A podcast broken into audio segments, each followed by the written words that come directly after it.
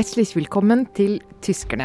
I studio som vanlig Ingrid Brekke og Kai Schwind, hallo. Men i dag er vi ikke her alene. Vi har nemlig med oss Guri Nordstrøm. Hei. Nettopp, som nettopp har slutta som NRK-korrespondent eh, i Berlin etter at åremålet er over. Du har med deg ord til vår faste spalte. Eh, før det så skal vi snakke om hvordan Tyskland har forandra seg i de årene du har dekka landet. Men først skal du få et mye enklere spørsmål. Hva gjør du nå? Du, nå kommer jeg tilbake til eh, jobb på utenriks på Marienlyst i begynnelsen av september. Og akkurat nå så er jeg vaktsjef for Urix, som er dette utenriksprogrammet som vi sender på NRK2 mandag til torsdag. Så en helt annen virkelighet enn det jeg kom fra. Ja, på mange måter. Litt regulert arbeidstid. Ja, Ja, regulert. det skulle jeg også si. Litt mer 9 to 5. Det er vi veldig opptatt av, fordi vi har det bildet av at du er sånn ute midt på natta, og det er Riksdagen i bakgrunnen, og det er mørkt og sånn. Ja, men det er ikke så langt unna. Nei, okay. Men savner du litt av det? Av det presset og adrenalinet rundt det? Ikke foreløpig, for foreløpig så er jo jeg nå hjemme her for å ligge på lading. Eh, sånn, og når du har hatt det arbeidspresset Jeg var jo da i Berlin i fire år og to måneder. Og det er jo at du er på vakt døgnet rundt. Eh, du kan planlegge halvtime til halvtime før du da må reise eh, til et eller annet sted det smeller. Og det har jo vært ganske heftige nyhetsår i Europa eh, i den perioden jeg var der. Ja. Så akkurat nå syns jeg det er deilig å kunne gå hjem fra jobb og vite at det er noen andre som har ansvaret. Rett og slett. Ja, for du starta jo i Berlin eh, da flyktningkrisen starta, egentlig. Så det ble, jo en, det ble jo rett inn i drama. Kan du fortelle hvordan du husker den første tida? Ja, det stemmer. Jeg begynte jo i Berlin april 2015. Og det var min den spede begynnelsen av migrantkrisa. Jeg husker at noen av de første sakene jeg lagde, det var jo på berlinere som hadde startet eh, denne organisasjonen Refugees Welcome, og som da tok til seg eh, flyktninger, lot de bo hjemme hos seg slik at de skulle bli lettere integrert i det tyske samfunnet. Så vi starta der, og så kom jo da sommeren med et brak. Eh, Det var en lastebil som ble funnet eh, ved en motorvei i Østerrike med flere titalls eh, migranter som var da kvalt og forlatt av en menneskesmugler. Og fra da egentlig følge denne strømmen Europa rundt fra ytterlandene og da mot Tyskland, blei jo min det, det første jeg gjorde. Og jeg husker jo at det, jeg sto på Keleti jernbanestasjon i Budapest, der flere tusen hadde, migranter hadde strandet, fordi EU gikk jo helt i stå. De visste ikke hva skal vi gjøre med denne store eh, mengden mennesker. De klarte ikke å samarbeide, og det var jo da i begynnelsen av september at Merkel sa de tre så velkjente ordene 'Wir schaffen das', vi klarer dette, og åpnet grensene, og det gikk horder da inn gjennom eh, Østerrike og så videre opp til eh, Tyskland. Så alt dette her var jo noe vi aldri hadde sett før i nyere tid, i hvert fall i Europa. Og det ble veldig, veldig intenst og veldig sterkt å dekke dette. Det var ikke nok med at det var selvfølgelig et enormt arbeidspress, det er nå så, men det å være så tett på den, eh, de menneskeskjebnene, storpolitikken, det var ja, veldig Men tenkte du da det sto på at dette forandrer Tyskland og Europa? Altså, tenkte du liksom at det var så store dimensjoner, dimensjoner over det? Akkurat da det skjedde, så tenkte jeg nok ikke så langt. fordi at jeg husker at jeg sto ved siden av en tysk avisjournalist eh, på jernbanestasjon i Budapest. Og vi sto og så på hvordan da de migrantene som var strandet der, gikk rundt med bannere og ropte 'Deutschland, Deutschland'. Og jeg møtte to små jenter eh, fra Syria som tegnet det tyske flagget. Og var, de var veldig bestemt på at det var Tyskland de ville til. Og jeg husker den tyske avisjournalisten sa til meg, han rista på hodet og sto og så på dette og sa 'Jeg syns så synd på dem'. De vet ikke hva som venter dem. De kommer ikke til å få det noe bra i Tyskland. De drømmer om Tyskland, men de kommer ikke til å få det noe bra der. Og jeg husker jeg ikke skjønte hva han mente. Jeg husker, ja, men de, selvfølgelig får de det bra i Tyskland. Uh, men han var helt på den. Det, så, så jeg tenkte ikke da, men så senere så fikk vi jo da dessverre uh, Som tida gikk, så var det jo en rekke uh, dårlige hendelser. Det var terrorangrep fra, fra, fra, ulike hold. Det var uh, asylmottak som ble satt i brann i, i, særlig i Øst-Tyskland. Det var uh, jeg husker en sak vi, vi, lagde hvor eh, det var en svømmehall i, i tidligere Øst-Tyskland som da hadde skrevet en lapp om uh, 'utlendinger er ikke velkomne'. Det var jo en rekke sånne ting. Og Pegida hadde jo marsjert lenge, uh, egentlig da, men de fikk jo en oppsving. Alternativ for Tyskland fikk jo en kjempeoppsving uh, rundt forbi. Og da så man jo konsekvensen av det, at mange vi snakket jo med veldig mange velgere som f.eks. som hadde gått over til Alternativ for Tyskland, og hvordan de sa uh, at de alltid hadde stemt Sosialdemokratene, Kristendemokratene, men nå følte de seg utrygge. Nå skjønte de ikke hva de hadde gjort. Men dette forandra uh, Tyskland, og det forandra vel også den politiske debatten, og hvordan man snakka om dette på? Ja, første gang jeg tenkte det, det var Jeg var på jeg var tilskuer på en eh, innspilling av en TV-debatt. Eh, og der eh, husker jeg at det var da tidligere etterretningssjef Masen og han som da var stabssjef for Merkels kontor, Petter Altmaier, som diskuterte. Og den debatten, der ble altså flyktninger og terrorister nevnt i ett og samme i en og samme sveiv. Og jeg husker at jeg la ut på Instagram etter denne debatten og at jeg tenkte der at det, bare for noen få måneder siden så hadde dette vært helt umulig å, å snakke om. Eh, det hadde vært helt uhørt. Det var ikke lenge siden at man ikke engang kunne snakke om utfordringer knytta til innvandring. Og så plutselig har vi havna her, hvor, hvor, dette her blir nevnt som den mest naturlige ting. Mm. Så ja, jeg følte at det var en virkelig endring i diskursen der, og jeg tenkte på det. Mm. Når du ser på hele din periode, da, altså hele de fire årene, eller det var kanskje litt over fire årene du, du var da på plass, hvordan har det forandret seg? Altså Har det bare gått denne veien, at vi har liksom dratt til høyre, for å oppsummere det litt sånn flåsete, eller har vi svinga litt tilbake, eller hvis, hvis, man kan se på de liksom større linjene? Jeg tror det hele bildet nå er jo at det har roet seg veldig med innvandringen. Det gikk jo voldsomt ned, det var jo toppår. Uh, I tillegg så var det jo også da uh, det, det, kunne virke kanskje veldig uorganisert og, og, og, skremmende, men det var jo Jeg husker vi laget mange, mange reportasjer på at det var satt opp uh, en rekke provisoriske mottak. Det var mye ordnung. Det har over det lange løp gått seg veldig godt til. Uh, jeg husker jo i starten vi var og, og lagde saker i Berlin hvor, eh, hvor, det sto asylsøkere i kø i dagevis. De slo jo opp teltleire for å kunne komme inn og registrere seg. Så gikk det liksom et halvt år, og så hadde de bygd et svært senter med liksom kølapper og, og sittestoler og alt. Sånn at det var også det. Og det ser man jo er en øh, Ja, kommer igjen i øh, speiler seg i hva folk er opptatt av nå. Noe av det siste jeg gjorde før jeg dro, nå i 2019 i mai, var å dekke EU-valget. Og der nevnte jo alle at det var klima og miljø som var den store, viktige saken for dem. Ikke, ikke innvandring lenger. Sånn at det, at det, virker som det har gått seg til på sikt det, over tida. Det, det ja. Mm. En ting som fascinerer meg alltid med korrespondentyrket, er ja, kanskje et slags ansvar som man har om hvordan man representerer det landet som man er i. Altså Når jeg tenker nå oi, Hvis jeg hadde vært norgeskorrespondent for tyske medier, hva er de historiene jeg plukker, plukker ut nå? Hva skal jeg egentlig fortelle om?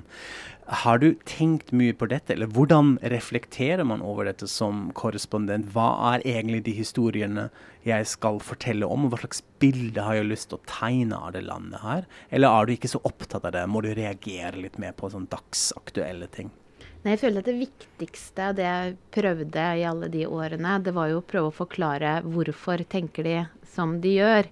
Sånn som når da Alternativ for Tyskland blir landets tredje største parti, så er ikke historien om det at uh, her er det ytre høyre og rasister og sånn som har stemt på dem. Det var følte jo at min oppgave var å forklare hvorfor tenker folk som de gjør, og prøve å vise frem dette bildet. Hvorfor skjer dette i Tyskland nå? Og da prøve å komme tett inn på folk og, og få deres uh, historier, Uh, så er det jo alltid sånn da, at uh, når du kommer med et utenlandsk blikk på det hele, så trekker jo jeg da kanskje frem historier som en vanlig tysker ville tenkt at det, ja, men dette er jo da den naturligste ting mm. i verden. Sånn som hvis du hadde vært korrespondent her i Oslo og trukket fram ting, så hadde du kanskje lagd saker på som jeg hadde tenkt at det, Men i alle dager, er det en sak? Mm -hmm. Så um, Fikk du noen tilbakemeldinger fra tyskerne om sånt? Ja, altså beste, den beste tilbakemeldingen jeg kunne få i løpet av min tid der, det var jo når jeg da kunne få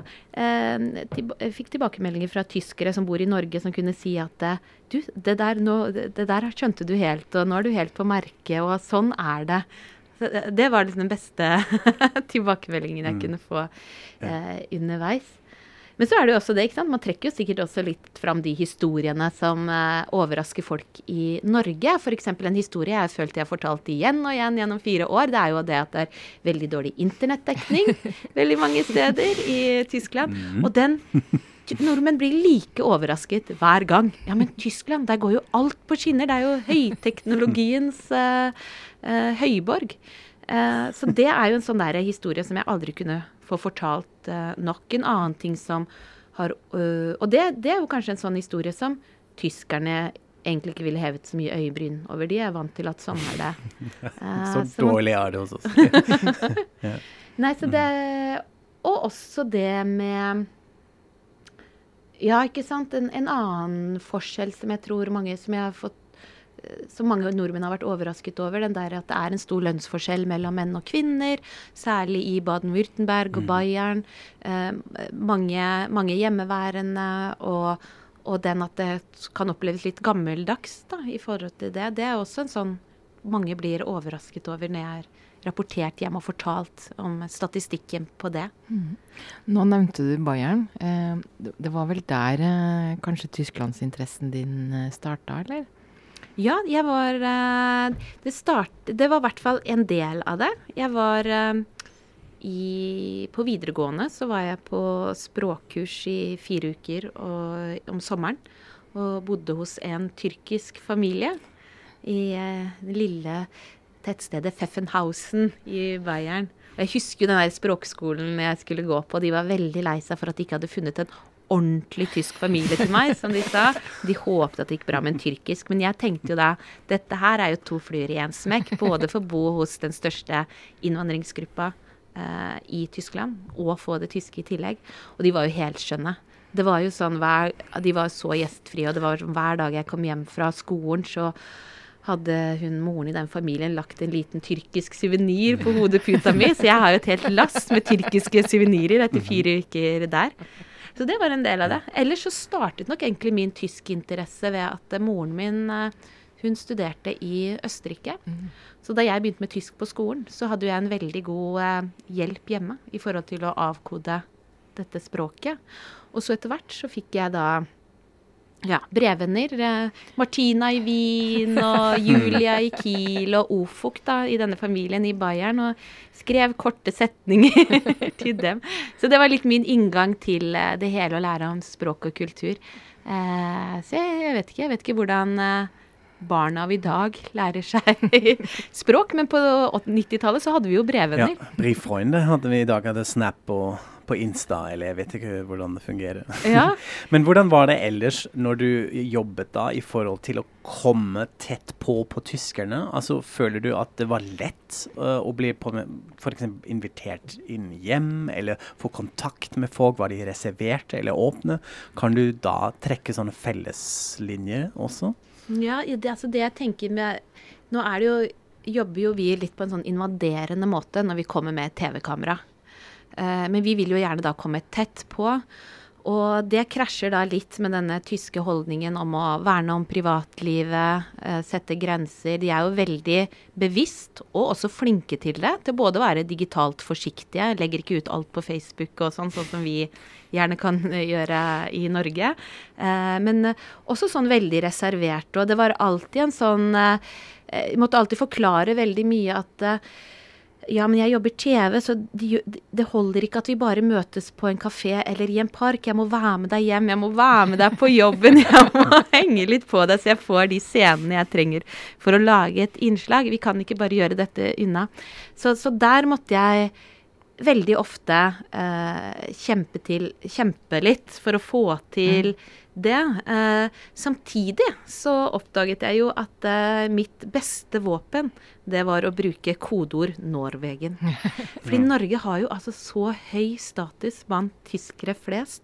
Og så når du fikk liksom, name-droppa det, da fikk du jo hele bobilhistorien eh, deres, og man slapp tettere innpå pga. det. Så det, det syns jeg var veldig herlig. Jeg husker jeg lagde en sak f.eks. på da Volkswagen Da det gikk dårlig med dem, og ville veldig gjerne være med hjem til en arbeider. Og det var jo veldig vanskelig, det var jo et veldig sårt tema. Men til slutt så slapp jeg da inn hos en mann som, hvor de, hele familien hadde jobbet i Volkswagen i generasjoner. Og han satt da og gråt i sofaen og var jo helt fortvilet over denne dieselskandalen og det som hadde skjedd. Men grunnen til at jeg da fikk slippe så tett innpå han, og at han ga meg sin historie, det var jo fordi at han var tidligere speider og hadde vært på flere speiderturer i Norge. og likte Norge så godt og hadde fortsatt venner fra den tida. Og, det, og så jobbet jeg også med en av og til med en russisk fotograf som da jobbet med russiske medier, og de hadde veldig vanskelig for å slippe så tett innpå. Ja, uh, de kunne ikke akkurat bruke Russland som, uh, som kodeord for å slippe inn. Mm. Så det var en veldig fordel, akkurat det. Men jeg syns jo det er ja, Jeg beundrer litt også den derre bevisstheten rundt å beskytte privatlivet litt. Jeg husker da jeg kom, så tenkte jeg jo når du prøver å gjøre research og du prøver å søke opp folk på sosiale medier og finne ting ut, ikke sant. I Norge er det jo en gullgruve, fordi folk legger jo ut alt mulig. Mm, så du vet absolutt. jo uh, alt. Mens i Tyskland er jo alle med andre etternavn, og de har ikke bilde av seg selv, de har bilde av en tegneseriefigur istedenfor. Uh, men nå på, mot, mot, slutten så har nok jeg også blitt mer tysk på den måten. Mm -hmm. Mye mer uh, forsiktig og setter pris på det. Ja, Det skulle jeg nettopp spørre nemlig også. Er det noe veldig tysk som du føler du har tatt med deg, bortsett fra kanskje en annen bevissthet rundt privatlivet? Er det noe annet i sånn, det daglige eller sånt, hvor du føler har jeg blitt litt mer tysk? Ja, først og fremst så tror jeg det er det der at jeg har blitt mer digitalt forsiktig. Mm -hmm. uh, så det har jeg tatt med meg andre ting. Um, jo, jeg har nå begynt, og det vil ingen av mine gamle venner tro, men jeg kommer nå fem minutter før hvert møte. Og jeg elsker det! Så nå på hvert morgenmøte som i NRK eh, utenriks, så kommer jeg seinest fem på ni og sitter der klar, med, klar for dagen. Så dette er også noe nytt, og dette, dette er virkelig en stor endring i mitt liv. For jeg kom uh, alltid et kvarter for seint før. Også i Tyskland, og så blir det mobba da? Eller du, du lærte det the hard way? Ja, det var der jeg lærte the hard way. Og så har det bare satt seg i kroppen. OK, så du blir skamma, ja. Så kanskje eh, en siste spørsmål før vi må komme til vår ordspalte, som vi også gleder oss eh, veldig til. Er det noe i Tyskland, eller med Tyskland, en slags kode eller forståelse som du ikke har skjønt etter du dro? Altså, føler du at det er no, fortsatt noen gåter som ligger der? Eh, med mennesker eller i det sosiale eller hvor som helst, hvor du fortsatt ikke egentlig har blitt noe særlig klokere? ja, altså jeg liker, Det jeg liker veldig godt med Tyskland, det er jo det der at en avtale er en avtale. Jeg har jo dekket uh, veldig mange land i Europa, og det er ikke alltid Uh, tilfelle overalt. Men det som også da er et utslag av dette, det er jo også at en ordre er en ordre i Tyskland. Og der har det vært veldig mange spesielle tilfeller. Jeg skulle f.eks. Åp eh, på åpningen av Hydro sitt anlegg i Grevenbroich. Der kom jeg gående med min uh, fotograf, som da både har en stor ryggsekk med redigeringsutstyr, han har en trillebag med kamera og et uh, kamerastativ. Han kommer inn gjennom sikkerhetskontrollen fint, ikke noe problem. Så kommer jeg med min lille røde håndveske. Den er da ca. 20 ganger 10 cm. Og får streng beskjed av vakta. Du kommer ikke inn. Vesker er ikke tillatt. Da sier jeg men det er jo bare den lille vesken. Du kan se oppi her. Jeg har en mobil og en penn og papir og en leppestift. Uh, nei, det er, uh, det er, helt umulig. Væsker er ikke tillatt. Ja, men nå har jeg nettopp sluppet inn min fotograf. Han har jo med alt dette her. Ja, men det er greit. Ryggsekk, uh, trillebag og Det er greit. Ikke væsker. Og så foreslår jeg, men kan jeg ikke legge denne vesken oppi hans eh, utstyr? Nei, det er fortsatt en veske, selv om den ligger i en sekk. Oh god, jeg ble svett. Da, så dere, enden, enden på visa var jo da at jeg måtte ringe til eh, han som var vår kontaktperson i Hydro. Han måtte få tak i over, den overordnede til denne vakta, som måtte komme ned og si hun kan få slippe inn med væske, selv om det står i dine papirer. så det er mange sånne, den der at en ordre er en ordre, og at eh, det ikke er rom for initiativ og egentenkning på visse plan, den, eh, den møter du på, på noen ganger. Og også det der at eh, du må ikke komme og, og prøve å få noen særbehandling, ikke sant, hvis ikke du har akkrediteringene i orden. Så, så, så er det synd for deg. Det, det, går ikke an å snakke seg inn, snakke seg forbi noe. Det setter jeg jo også pris på. Da er det jo man, jo veldig sånn Ja. likebehandling. Men man lærer seg jo da veldig raskt. Altså du har alle papirer i orden hvor enn du skal eh, inn eh, der. Ja, det er morsomt, fordi det er kanskje litt sånn den andre siden av den norske konfliktskyheten. Fordi det har jeg også lært meg her, som er kanskje litt fælt å innrømme, men at man kan, hvis du pusher litt her, så kommer du kanskje gjennom fordi folk er redd for, denne, for bråk og konflikten som det kanskje oppstår. Så da, ja, ja, kom an, du kan slippe inn. Mens i Tyskland skjer det sjeldne, det er jeg enig i. Da, det, da står man i den pinlige situasjonen ved den inngangen hvor man ikke er akkreditert, og sånn. Da bare kommer man ikke inn. Ja, Og eneste mm. måte er å få tak i en overordna som kan eh, Ja. ta det. Absolutt. Spennende. Ah, det gjør litt vondt å høre på dette, må jeg innrømme, men det er helt sant. Men, ja, men det er fordeler ved det også, som sagt. Jeg liker den at det er en Mm. likebehandling. Mm, Det er ikke noe køsniking. Det Nei, er ja. eh, ordnung. Og det setter jeg faktisk veldig stor pris på. Det er sant. Det, det må bli det. Ordnung må vi ha litt her òg. Vi må komme til ordspalten, og det er vi alltid veldig spent på når gjestene tar med seg ord. Eh, norske, tyske, eh, whatever de syns er rart, spesielt eller sånt. Nå er vi veldig spent, Guri. Hva har du tatt med deg? Ja, det var en vanskelig oppgave, for der er det et hav. Jeg bare tenkte sånn, Umiddelbart så tenkte jeg det er veldig morsomt at vi sier Kinderegg i Norge. Ja. hybridord. Eh, Ja, det er sant. Ja, det er jo egentlig ikke ment. Jo, egg. Ja, det heter jo egg, ja. Stemmer. Mm. Ja. Eller Ellers så Et annet ord som jeg da la merke til, også da jeg lagde en sånn sak på disse lønnsforskjeller mellom menn og kvinner og øh, denne likestillingen, rabenmutter. Ja. Ravnemor. Mhm. For jeg husker jeg intervjuet en dame der og spurte, og hun var sånn Nei, jeg har to barn, da kunne jeg ikke jobbe fulltid. Da ville jeg jo vært en rabenmutter. Og det Ja. måtte hun forklare meg Ja. hva var. For hva er det? Det er en slags tårnfrid? Eller hva? Ja, en ravnemor, direkte oversatt. At eh, man da er en som ikke tar godt nok ja, vare på Nettopp. barna sine. En dårlig mor, ja. Men jeg spurte deg, er det noe som heter rabenfater, da? Nei, det var det ikke. Det syns de Jeg har faktisk hørt det også, men det er litt Ja. nyere. at man, Jeg tror det er litt sånn i feministens ånd at Ja. man prøver å innføre dette. Jeg har hørt rabenfate, men det er raben mot det opprinnelige. At du er en dårlig mor. Mm. Ja. Og så er det jo også dette uttrykket det vendekinder, som oh, jo ja. blir aktuelt nå. Ja, ja. Ja. Hvordan ville vi oversatt det? Nei, man klarer jo ikke engang Nei. å oversette de vennene, så det er jo ikke Ja. så lett. da. Men, Ja.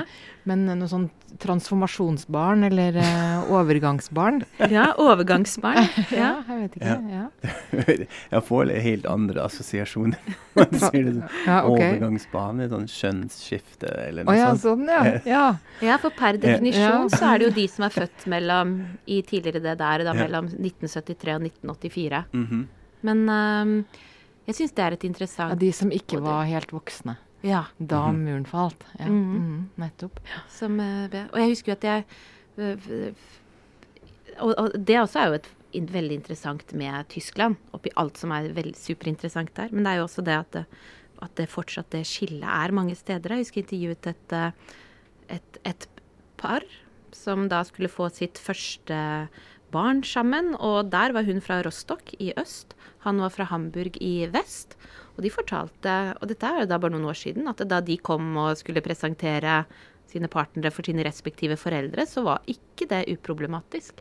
At hun til sine foreldre i Rostock hadde med en fra Hamburg, og han eh, til Hamburg hadde med en fra Rostock. Det var eh, foreldre og besteforeldre som sa er du sikker på at dette går bra. Så det syns jeg er fascinerende at det fortsatt kan være Ja. sånn. Ja, helt ned på det så private, personlige planet at det faktisk virkelig betyr noe. Ja. Ja, det er interessant. Jeg vet ikke, vi hadde kanskje sånn i Norge tidligere hvis man kommer Ja, kom hjem med en nordlending. Ja, eller en søring. var- Ja, eller en søring, ja. ja. Jeg tror det er veldig, det a- være et tema. veldig avhengig av om man f.eks. har hatt sånn familierelasjoner til øst eller ikke. Altså Jeg kommer jo også fra en veldig sånn vessig familie, så for, for meg var det også alltid litt eksotisk med noen fra Øst-Tyskland. Sånn vi hadde ikke noen forbindelse, men jeg har venner som har hatt tanter og onkler i Leipzig og sånn. For dem var det selvfølgelig mer naturlig. Så jeg tror det har mye å si om man hadde dette etter de vennene, på en måte. Man var Mm. vant til det eller ikke. Ja. Ja, det er spennende. Det er jo snart 30 år siden murens fall òg. Mm. Og at det fortsatt er noe som er i folks bevissthet. Mhm, absolutt. Eller så er det jo ekstremt mange artige tyske uttrykk. Der er det sånn et hav, og et som jeg liker, og som jeg ofte førte i Berlin også. Die Nase voll haben. Er nesa full. altså at man er da veldig lei. Ich habe die Nase voll. ja, det er litt rart. Hvorfor nesa, liksom? Nesa full. Mhm. Ja. Eller Das ist mir Wurst. Det er Ja, det er pølse veldig for meg. Ja. Det er er likegyldig for meg. Ja. Ja. Eh, eller det samme for meg. Noe som er litt rart, fordi man er jo egentlig glad i pølse, da. Ja, og man så har jo hvorfor skal det være likegyldig? Men det er nå, ja. Og i Tyskland er jo ikke pølse pølse. Så hvorfor Mm. altså, det er jo ulike preferanser på Weisswurst og Mhm. bratwurst og alt. Men kanskje Ja. det er noe med at likegyldig hva som er inni pølsa, bare den smaker godt, da, eller noe sånt. Ja. ja, eller at det er for generelt, på en måte. Fordi det Ja. finnes så mye Ja, så av wurst. dette. Men du kunne Ja. ikke si 'das ist mir bratwurst'. Ja, for det, ja, nei, det er det allerede. Jeg syns vi må innføre det. Jeg Ja. syns vi er virkelig bratwurst her. Ja. Nei, så det er jo et hav Mhm. å ta. Men jeg har jo veldig Jeg må jo si det nå er jo Det er jo veldig kjærlighetssorg å flytte fra Berlin. Det kan jeg forstå. Mm. Det er det. Sånn at jeg måtte jo gjøre sånn som man gjør ved alle brudd i livet. At jeg måtte bare, må bare stenge det litt ut. Og jeg har slettet veldig mange sånne Instagram-Berlin-sider som jeg følger på Instagram, sånn at jeg ikke skal få det opp i ansiktet i hytt og gevær. Så jeg må bare komme meg over det, og så skal jeg så kan jeg sette meg ned og bla litt i Berlin-bøker igjen. For det er jo godt å vite at byen ligger der alltid, og man kan alltid dra tilbake, selv om det ikke blir det samme. Ja, det er noe med det. Og jeg visste jo hele tiden de, de korrespondentstillingene er for tre eller fire år av gangen. Ja. Sånn at det var hele tiden et planlagt avslutning. Da passer det å si takk for oss med dette. Og neste gang eh, vi høres, så håper vi at det blir fra bokmessa i Frankfurt. Hvis teknikken og hjelperne våre er på eh, vår side, da. Vi får se. Takk for oss så lenge, og hjertelig takk til deg, Guri. Eh, følg oss på Facebook-sida vår, Tyskerne. Eh, anbefal oss til andre. Auf Wiederhören. Auf Wiederhören. Auf Wiederhören.